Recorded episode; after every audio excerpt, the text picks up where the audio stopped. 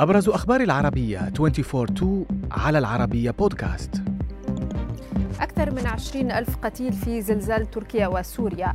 فرق الإنقاذ تسابق الزمن في البحث عن الآلاف من العالقين. خبراء يتحدثون عن تحرك تركيا ثلاثة أمتار نحو الغرب. بعد أربعة أيام على وقوع الزلزال المدمر تخطت حصيلة الضحايا في تركيا وسوريا حاجز العشرين ألف قتيل إضافة إلى إصابة عشرات الآلاف بجروح مختلفة. الرئيس التركي رجب طيب أردوغان أعلن عن مقتل 16170 شخصا وإصابة أكثر من 64 ألفا آخرين. فيما بلغ عدد المباني المنهارة نحو 6400 مبنى. أما في سوريا فتواصل حصيلة الضحايا الارتفاع مع انتشال المزيد من الجثث تحت الأنقاض لتصل إلى 3773 على الأقل في المناطق الخاضعة لسيطرة النظام والمعارضة وفقا لما نشره المرصد السوري لحقوق الإنسان. في أجواء من البرد الشديد ورغم تضاؤل الأمل. يواصل عمال الإنقاذ في تركيا وسوريا جهودهم في البحث عن ناجين تحت أنقاض الألاف من المباني المنهارة. صحيفة الجارديان البريطانية نشرت تقريرا قالت فيه إن الأمل في العثور على المزيد من الناجين بدأ يتضاءل ونقلت عن عمال الإنقاذ في مدينة قهرمان مرعش قولهم إنهم يشمون رائحة الجثث خلال حفرهم وسط أكوام الأنقاض بعدما دمر زلزال وهزات ارتدادية العديد من المباني في المدينة.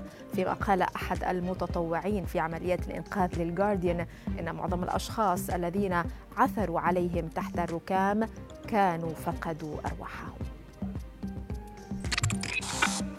بعد أربعة أيام على وقوع الكارثة ومقتل الآلاف في سوريا دخلت أول قافلة مساعدات إلى المناطق المتضررة في شمال سوريا. وكالة فرانس براس نقلت عن المسؤول الإعلامي في معبر باب الهوى الحدودي بين تركيا وسوريا. مازن علوش قوله إن أول قافلة مساعدات من منظمة الأمم المتحدة دخلت المعبر والتي كان من المتوقع وصولها قبل وقوع الزلزال المدمر. وذكرت فرانس براس أن القافلة تتكون من ست شاحنات فقط تضم بشكل أساسي مستلزمات خيم وأدوات تنظيف.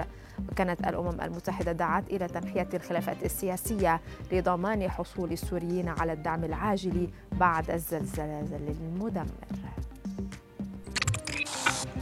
خبر أثار تفاعلا واسعا على مواقع التواصل الاجتماعي كشف خبير إيطالي أن الزلزال المدمر الذي ضرب تركيا وما أعقبه من هزات ارتدادية حركت البلاد ثلاثة أمتار باتجاه الغرب. رئيس المعهد الوطني الإيطالي للجيوفيزياء والبراكين البروفيسور كارلو دوغليوني أوضح أن الزلزال الذي ضرب تركيا مؤخرا حدث عند نقطة التقاء صفائح شرق الأناضول مع الصفيحة العربية والأفريقية.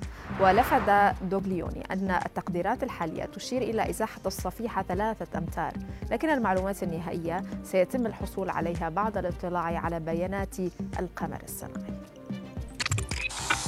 في خبرنا الأخير أعلن مرصد ومعهد كانديلي لأبحاث الزلازل في تركيا أن الزلزال الذي وقع في قهرمان مرعش قد يتسبب في حدوث تسونامي في البحر الأبيض المتوسط.